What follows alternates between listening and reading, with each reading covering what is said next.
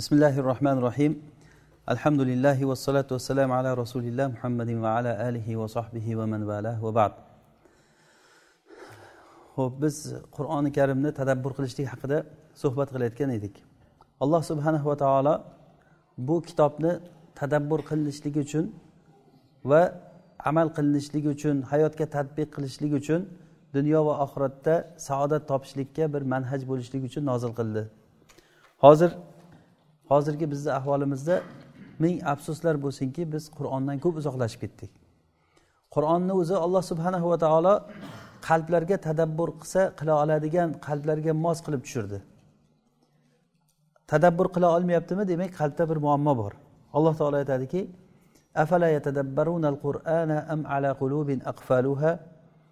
odamlar qur'onni tadabbur qilishmaydimi yoki ularni qalblarida qulflar bormi? Mana bu qulflar biz aytgan edikki bu gunohlar bular. Bu gunohlar. Inson qancha ma'siyat qilgan sari qalbi shunchalik qulflanib boraveradi. Keyin tadabbur qilishlik uchun biz birinchi boshlashdagi yo'ldan beshta bosqichni kecha darsimizda aytgan edik. Birinchisi qur'on o'qishlikda savob niyatida o'qish kerak dedik. Qur'on o'qishlikda savob niyatida o'qishlik kerak. Lekin savobni o'zi kifoya qilmaydi. Albatta bunga qo'shilishlik kerak ilm hosil bo'lishlik uchun. Oldingilarni va oxirgilarni hammalarini ilmi mana shu qur'onda. Keyin unga amal qilishlik uchun. Agarda qur'onga amal qilinmasa mujarrad tilovat bo'layotgan bo'lsa alloh subhanahu va taolo bunaqangi kishilarni juda qattiq mazammat qilgan. Qattiq yomonlab gapirgan. Ya'ni ular qur'onni faqatgina tilovat qiladi amal qilmaydigan odamlar haqida alloh taolo aytganki va minhum ummiyun ya'ni ular tavrot ahli haqida aytgan bo'lsa ham lekin qur'on tavrotdan ko'ra afzal kitob. Tavrotni zoyi qilib tavrotni faqat o'qib unga amal qilmagan odamlar haqida alloh taolo aytadiki va minhum ummiyun la ya'lamuna al-kitaba illa amaniya va inhum illa yazunnun ulardan ummiy kishilar bor kitobdan faqatgina tilovatni biladi. Illa amaniya tafsir ulamolari mana shu amaniy ya'ni tilovatlarni bilishadi degan.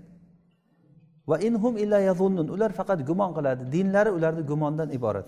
Mana shu oyatdan kelib chiqib ibn taymiya rahimaulloh aytdilarki agarda kimda kim kitobda qur'onda tadabbur qilmasa fikr yuritmasa bu odamni dini gumonlardan iborat bo'lib qoladi degan. Inhum illa yazunnun bo'lmasa qancha ochiq oydin oyatlar qur'onda bizga bayon qilingan hozirgi odamlarda hayot manhaji kim qur'ondan yo'l olaman deb istab yurgan odamni juda kam topasiz. Hattoki jomiyalarda dars berayotgan kishilar talabalarga o'zlaricha bir hayot yo'lini o'rgataman degan mufakkir kishilarni oladigan manbasiga qarasangiz birorta bir joyda qur'onni o'zlariga asos qilib olayotganligini ko'rmaysiz. Vaholanki alloh subhanahu va taolo mana shu qur'onga amal qilishlik uchun qur'on bizga dastur bo'lishlik uchun nozil qilgan. Biz bo'lsa mana bu qur'onni tashlab qur'ondan boshqa yerlardan olishlikka harakat qilyapmiz. Ya'ni hozirgi odamlarni voqeligi shu. Illo alloh subhanava taolo rahm qilgan odamlar bundan mustasno. Qur'onni qanday qilib o'rganaman qanday qilib hayotimga tadbiq qilaman deb yurgan kishilar bundan mustasno. Demak birinchisi niyat. Savob niyatida o'qiymiz. Ikkinchisi undan ilm hosil bo'lishlik uchun. Uchinchisi amal qilishlik uchun. To'rtinchisi qur'on o'qigan paytda alloh subhanahu va taolo bilan gaplashayotganday xuddi inson o'zini his qilishi kerak dedik. Ana o'shanda bu tadabburga yordam beradi. Qur'onni o'quvchi qoriyni ovozi uni qiroatidan qat'iy nazar u nima deyayotganligiga e'tibor berib turib agar biz niyatni olib kelsakki hozir robbil alamin qanday nozil qilgan bo'lsa o'shanday eshityapmiz biz. Xuddi mana shu hozir biz eshitadigan qur'on olloh subhanahu va taoloni kalomi bu. Alloh taolo bizga shu gaplarni gapiryapti. Mana shu niyat kelgandan keyin insonda keyin bir e'tibor paydo bo'ladi tadabbur qilishlikka yaqinroq bo'ladi bu narsa. Va beshinchisi oxirgisi bu qur'onni shifo maqsadida o'qilinadi degandik. Shifo bo'ladi deganda bugungi darsimizda mana shu haqida ozroq to'xtalamiz. Ya'ni qur'on shifo bo'ladi degani ham badanlarga ham qalblarga shifo. Qur'on badanlarga shifo bo'ladimi yo'qmi? Bunda ulamolarni ixtilofi bor. Jumhur aimmalar qur'on badanlarga shifo bo'ladi degan. Buni juda ko'p dalillari hattoki ruqiya qilishliklar masalan ilon chaqqan kishiga fotihani o'qib ruqiya qilganda o'sha odam xuddiki hech narsa bo'lmaganday turib ketganligi va suvlarga oyatlar o'qilib turib ichishlik to'g'risida kelgan xabarlar va hokazo qur'onni badanlarga to'g'ridan to'g'ri ta'siri borligiga juda ko'p dalillar bor. Demak bu jumhur immalarni jumhur ulamolarni mazhabi qur'on badanlarga shifo. Ba'zi ulamolar qur'on badanga shifo emas bu faqatgina qalblar shifosi ma'naviy shifo deb aytishgan. Hissiy shifo emas ma'naviy shifo deb lekin ularni kalom gaplari jumhur aimmalarni gaplariga teskari. Ya'ni rojihi shuki qur'on badanlarga ham shifo lekin asosiy maqsad insonni badanini harakatlantirayotgan narsa nima? Qalb bo'ladi. Rasululloh sollallohu alayhi vasallam aytdilar numan ibn bashirni hadislarida inna fil jasadi mudg'atan idza solahat solahal jasadu kullu badanda shunday bir bir parcha et borki agarda u isloh bo'lsa u agar tuzalsa badanni hamma joyi tuzaladi. Agar u buziladigan bo'lsa badanni hamma joyi buziladi u qalb dedilar. Demak insonni boshqarib turayotgan narsa qalb. Har qanday fikr inson ichidagi aqidadan kelib chiqadi. Kimni dunyoqarashini ko'ring fikrlashini ko'ring shuning uchun ham insonni kimligi uni gapirishligidan bilinadi. Gaplashganidan suhbatlashgandan keyin bilinadi kimligi. U nima uchun? Chunki gapirgan odam o'zini fikrini qayerdan aytadi? O'zini qalbidagi e'tiqodidan dunyoqarashidan kelib aytadi. Agarda qalbida ilm bo'lmasa unda bir fikr bo'lishligi amri muhol bo'lgan narsa. Ana o'shanday qalbida qur'on ilmi bo'lmasdan turib siyosatdan gapirgan odam dindan gapirgan odamni dini va siyosati xayol va gumonlardan iborat bo'ladi. Inhum illa yazunnun degan oyat shu o'zi. Ya'ni faqatgina tilovat qiladi lekin ularni ilmi ularni qalbida bo'lmagandan keyin hali buki tilovat qilgan odamlar haqida aytyapti alloh taolo. Tilovat ham qilishni bilmaydigan odam bo'lsachi bu? Siyosatdan gapirayotgan odam kelajakda ummatni isloh qilishlik odamlarni qanday qilib turib yuksaltiramiz bu ummatni qanday qilib turib bir kelajagini porloq qilamiz deb majlislar tashkil qilsak u yerda gapirgan gapirayotgan so'zga chiqqan odamlar qur'onni o'qish tugul har ham tanimayotgan odamlar bo'lsa u nimadan kelib chiqib gapiradi? Har qanday gap inson qalbidagi e'tiqoddan fikr kelib chiqadi. Mana shu fikr bilan inson gapiradi. Demak insondagi o'sha qalbni isloh qilayotgan narsa bu qur'on bo'ladi. Alloh subhanahu va taolo qur'onda aytadiki biz qur'onda shifo bo'lgan va mo'minlarga rahmat bo'lgan va shifo bo'lgan narsani nozil qilamiz degan. Bu oyatda hozir shifaun umumiy kelyapti. Ham qalblarga ham badanlarga lekin sharti iymon keltirgan bo'lishi kerak. Alloh taolo aytyaptiki lil mo'minin mo'min kishilarga shifoni tushiramiz degan yoki boshqa oyatda alloh taolo aytyaptiki qul huva lillazina amanu hudan va shifa والذين لا يؤمنون بالآخرة في آذانهم وقر وهو عليهم عمى أولئك ينادون من مكان بعيد ya'ni bu qur'on qur'on iymon keltirgan odamlar uchun hidoyat va shifodir iymon keltirgan odamlar uchun hidoyat va shifo oxiratga iymon keltirmagan odamlarni quloqlarida karlik bor Xuddiki qur'on o'qilsa ham o'qilinmagan odamga o'xshaydi. Balki qur'on ularga ko'rlikni keltirib chiqaradi. Ya'ni qur'on bir narsani ko'rsatmoqchi bo'lib ko'rsatsa o'sha narsa insonni ko'zini ko'rib qo'yyapti. Bu inson aqidasini insonni fitratini buzilishligidan kelib chiqayotgan narsa. Xuddiki masalan bir safro kasali deb aytishadi ulamolar ya'ni o'sha kasalga chalingan odam asalni ta'mini achchiq deb sezib qolar ekan. Asalni ta'mini achchiq o'zi asal shirin narsa. Har qanday sog'lom tabiatlik sog'lom jismlik odam agar asalni yesa uni shirinligini biladi. Lekin o'sha kasalga chalingan odam shu asalni achchiq ta'mini achchiq deb bilar ekan. Inson fitrati buzilgandan keyin xuddi shunday bo'ladi. Eng nur bo'lgan eng rahmat bo'lgan hidoyat bo'lgan qur'on bu odamlar uchun zalolat manbai bo'lib ko'rinadi. Agar mana shu qur'onga amal qilayotgan bo'lsak bizni qoloqligimiz bizni xorligimiz mana shu qur'onda deydigan odamlar yo'qmi hozir? Ismi muhammad ahmad bo'lgan musulmonman degan e, musulmon ismdagi odamlarni tilidan chiqmayaptimi shu gaplar? Agarda biz qachon shu qur'onga amal qilsak xor bo'lamiz. Deydigan odamlar hattoki ba'zilari shunday ochiqchasiga bu bunday kishilarni oti biz shariat istilohida zindiq deyiladi. Ya'ni zindiq islomni faqatgina tashqarida ko'rsatadi lekin gapirgan gapi ochiq kufr bo'lgan gaplarni gapiradi. Ularni eng katta hujum qilgan narsasi bu qur'on. Qur'onni lug'ati qur'onni hukmi qur'onga amal qilgan odamlar ana o'sha odamlarni yo'qotishlikka o'shanday o'rganayotgan qur'onni ta'limotini odamlarga o'rgatayotgan odamlarni yo'qotishga harakat qiladi. Qur'onni tamoman yer yuzidan yo'q qilishlikka harakat qiladi unday odamlar. Hattoki yer yuzida fohishalikni tarqalishligini yaxshi ko'radi odamlar. Qalblaridan o'sha narsaga fasodga bo'lgan mayl bor. Hattoki ular xuddiki alloh taolo ularni aytyaptiki ular uzoq joydan nido qilingan odamga o'xshaydi. Go'yoki olloh subhanava taolo qur'onga ergashmaydigan odamlarni bir hissiy holatga o'xshatyaptiki bir kishi nido qilyapti chaqiryapti u odam uzoqda turibdi nima deyotganligini tushunmayapti. Masalan faraz qiling bir ikki kilometr naryoqda bir kishi qarab o'tiribdi. Unga qarab siz gapiryapsiz. Ke deyapsiz bor deyapsiz bir narsalar deyapsiz u qarab o'tirib nimadir deyapti deydi. Nimaga tushunadi o'sha odam? Hech narsaga tushunmaydiku. Xuddiki qur'on oxiratga iymon keltirmagan odamlarga qur'on o'qib berilinsa o'shanga o'xshaydi deyapti alloh taolo. Ular uzoq shunchalik qur'ondan uzoqki bo'lmasa qur'onchalik yaqin kitob yo'q. Alloh subhana va taolo bu qur'onni o'zini izzati bilan nozil qildi. Tanzilul kitabi minallohil azizil hakim. Alloh taolo aytdiki tanzilul kitab bu kitobni olloh subhana va taolo nozil qildi. Shu joyda alloh taolo o'zini azizul hakim sifati bilan aytyapti. Nega aziz sifati bilan aytyapti? Chunki izzat bilan alloh taolo kitobni nozil qildi. Mana shu izzat bilan tushgan kitobni hech kim oldiga qarshi chiqolmaydi. Hech kim buni yo'qotolmaydi. Mana shu yo'qotilmaganligini ko'rmayapmizmi hozir? Shuncha asrlardan beri musulmonlarga bo'lgan hujum ularni qatl qilishlik yo'qotishlikka aqidasini buzishlikka harakat qilgan odamlar bir harfini ham o'zgartira olmadi hozirgacha. Mana bu narsa olloh subhanahu va taolo o'zini izzati bilan nozil qilganligi bu. Tanzilul kitabi minallohil azizil hakim.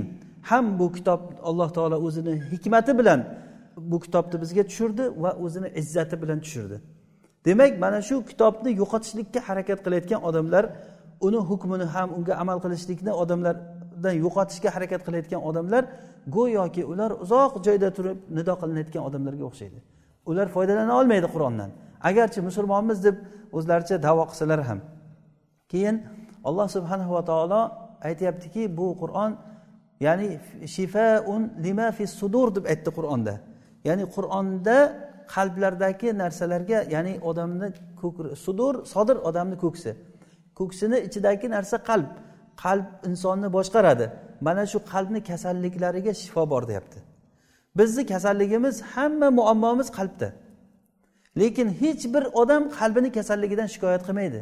Ilgarigi salaflar bir birlarini oldiga borib turib meni qalbim qorayib qoldi menga va'z qilgin deb aytgan bir biriga meni qalbim qorayib qoldi deb turib bir biri bilan gaplashgandan keyin bir iymonlashib iymonlari bir nurlashib bir yaxshi bo'lib bir biridan tarqab ketishgan.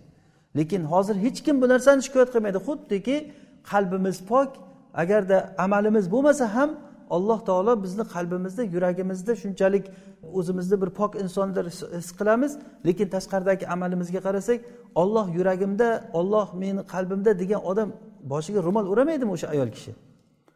Qanday qilib turib alloh taolo qalbiga doim alloh taoloni zikr qilib turgan odam fahsh munkar ishlarni qiladi? Bu bir biriga zid bo'lgan yolg'on gaplar bular. Demak alloh subhanahu va taoloni haqiqatdan ham qalbdan tanigan odam u boshqacha bo'ladi. Shuning uchun ham qur'onda mana shu qur'on qalbdagi narsalarni isloh qiluvchi narsalar keldi. Bu biz uchun nihoyatda qimmatbaho narsalar bo'ldi bu. Mana shu bilan bizni saodatimiz bo'ladi. Dunyo va oxiratdagi baxt saodatga topish baxt saodatga erishishligimiz biz qalbimizni isloh qilishlik bilan bo'ladi. Chunki qalb insonni boshqaradi. Qalb e'tiqod bu. Mana shu e'tiqoddan fikr paydo bo'ladi. E'tiqodni buzilishligi fikrni buzilishligi bu. Fikr buzilgandan keyin hozirgi hayotda ko'rayotgan munkar ishlarni hammasini ko'ravering buni. Buni misol qilavering fahsh ishlar o'g'irliklar qarindoshchiliklarni uzishlik haddis vala haroj deganday gapiring uni hech tugatib bo'lmaydi buni. Hozirgi bo'layotgan munkar ishlarni biz buni bitta bitta sanab buni ado qilolmaymiz lekin buni biz aslisiga qaytamiz. Mana nima uchun mana shu munkar ishlar paydo bo'lyapti? Bu munkar ishlar inson qalbidagi marazdan kasallikdan inson qalbidagi fasoddan paydo bo'lyapti. Bu fasod birdan bo'lib qolgan emas bu. Alloh subhanava taolo inson qalbini fitratda to'g'ri yaratdi. Inson tug'ilgan paytda haqiqiy tavhidda mo'min bo'lib tug'iladi chaqaloq bola. Keyin uni ota onasi yo yahudiy qilyapti yo nasoro yo majusiy qiladi. O'zi aslida musulmon bo'lib tug'iladi bola. Hatto o'sha xitoyni bolalari ham kofirlarni borlari ham hammasi musulmon bo'lib tug'iladi. Keyin uni ota onasi uni buzib boshqacha tarbiya qiladi. Demak inson qalbi o'zi asli alloh taolo uni hanif qilib to'g'ri qilib yaratgan qalb buzilgandan keyin insonni fitrati buzilgandan keyin botilni haq deb ko'radi haqni botil deb ko'radi. Bu hozirgi aynan g'arbda tarbiya topgan bolalarni fikrini ko'raverasiz. O'zlaricha o'zini juda yam aqlliman deb o'ylaydi. Lekin o'sha aql o'sha fikrni qayerdan olyapti? Biror birorta qur'on o'qimagan qur'onni ilmini bilmaydi ollohni tanimaydi demak u avom johil odam u. Lekin o'zicha siyosatdan bu fikrdan ijtimoiy narsalardan dars bermoqchi bo'ladi odamlarga. Demak hamma ilm mana shu qur'onda bo'ladi. Biz inshaalloh kelajak hali keyingi darslarimizda ham shu haqda bir suhbat qilamiz. Qur'on qanday qilib turib qalbdagi narsalarga shifo bo'ladi? Ana bu narsa bizga muhim. Biz yana bir takror qilib aytamizki qur'onni bu hayotga tadbiq qilishligimiz uchun tadabbur qilmasak bo'lmaydi. Tadabbur ma'nolarini aytdik. Tadabbur qilishlik uchun yuqorida aytgan beshta bosqichdan o'tishimiz kerak biz. Savob niyatida o'qishimiz kerak ilm hosil qilishlik uchun o'qishimiz kerak amal qilishlik uchun o'qishimiz kerak va alloh taolo bilan gaplashyapman degan niyatni oldimizga olib kelish kerak va beshinchisi nima? Qalblardagi narsalarga va badanga va qalblarga. Badandagi shifo bu uncha aytadigan narsa emas o'zi. Chunki bu badandagi narsalarni bir yahudiylar ham buni davolayapti odamni. O'sha ilmni alloh taolo ilhomda odamlarga berdi. Lekin asosiy narsa qalbdagi narsalar. Qalbni buzilishligi shu qalblar buzilganligi uchun ham hozir odamlar o'zini o'zi o'ldiryapti. Shu qalb buzilganligi uchun ham hamma munkar ishlar bo'lyapti. O'zini o'zi o'ldirish hatto shundan keyin mana bu doktorxonalarda psixolog degan nimalar paydo bo'ldi. Oldin bo'lmagan bunaqangi narsalar. O'sha e, nafsiy kasalliklarni davolaydigan doktorlar chiqdi. Hattoki eng ishi avj bo'lgan odamlar shular bo'lib qoldi hozirgi paytda. O'tirib odamlarga nasihat beradigan vasvas bo'lib qolgan odamlar o'zini bosar tusharini bilmay qolgan kelajakdan qo'rqadigan qisqasi xuddi poyiz yo'l bo'lsa poyiz yo'lni nimasida relisidan chiqib ketsa poyiz qanday bo'ladi? Odamzod o'zini yo'lidan chiqqandan keyin xuddi mana shu holatga keladi. Mana shu holatga to'g'ri solib qo'yayotgan narsa bu qur'on bo'ladi. Mana shu haqda birinchilardan bo'lib turib biz qalbni isloh qilishlikka bir misol tariqasida insonni ollohga tavakkal qilishligi alloh taologa suyanishligi haqida gapirsak bo'ladi. Ya'ni qur'on agarda biz hozir tadabbur qilib qarasak qur'onda hamma ma'nolari aylanib kelib turib insonni ollohga muhtoj ekanligini ko'rsataveradi. Ya'ni alloh taolo aytyapti hozir mana o'qigan oyatimizda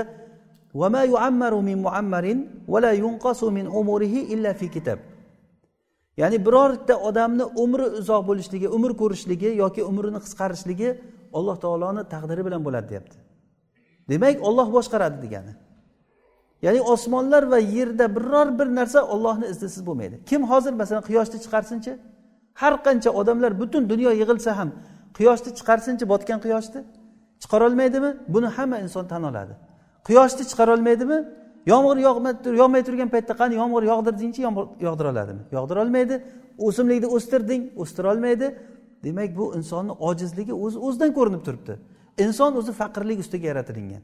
Alloh taolo aytadiki ya ayuhannas antumul fuqarou ilalloh. Ey insonlar sizlar alloh taologa faqirsizlar ollohga muhtojsizlar. Biz mana shu muhtojligimizni qalbimizdan ollohga muhtojligimizni bilishligimiz bizni qalbimizda juda katta katta kasalliklarga davo bo'ladi. Mana qur'onni shifo bo'lishligi. Qur'on o'zini shifoligini qanday beradi? Ilm bilan beradi. Shuning uchun ham buni tadabbur qilolmasak buni tushunmasak bizga shifo bo'lolmaydi biz nima uchun o'zbekcha bir she'r aytsa ta'sir qiladiyu qur'on ta'sir qilmaydi bizga. Chunki tushunmaganligimiz uchun.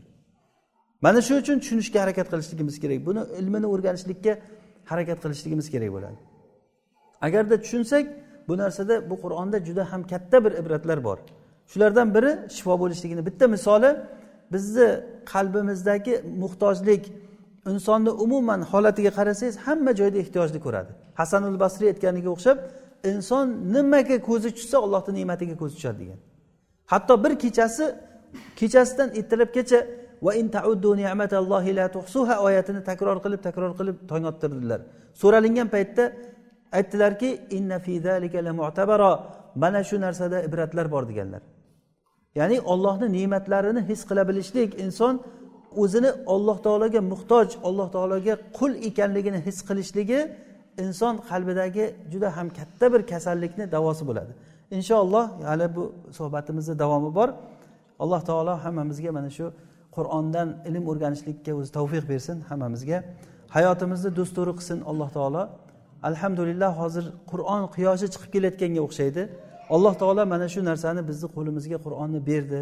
Hozir mana qarang olti yosh bolalarimiz qur'onni yodlagan hofiz qur'on bo'lyapti o'n yosh bolalar qur'onni hofiz qur'on bo'lyapti o'ttiz bora qur'onni shunday o'tirib o'qib berayotgan bolalar bor. Alhamdulillah bu narsa bir yaxshilikni bashorati bu.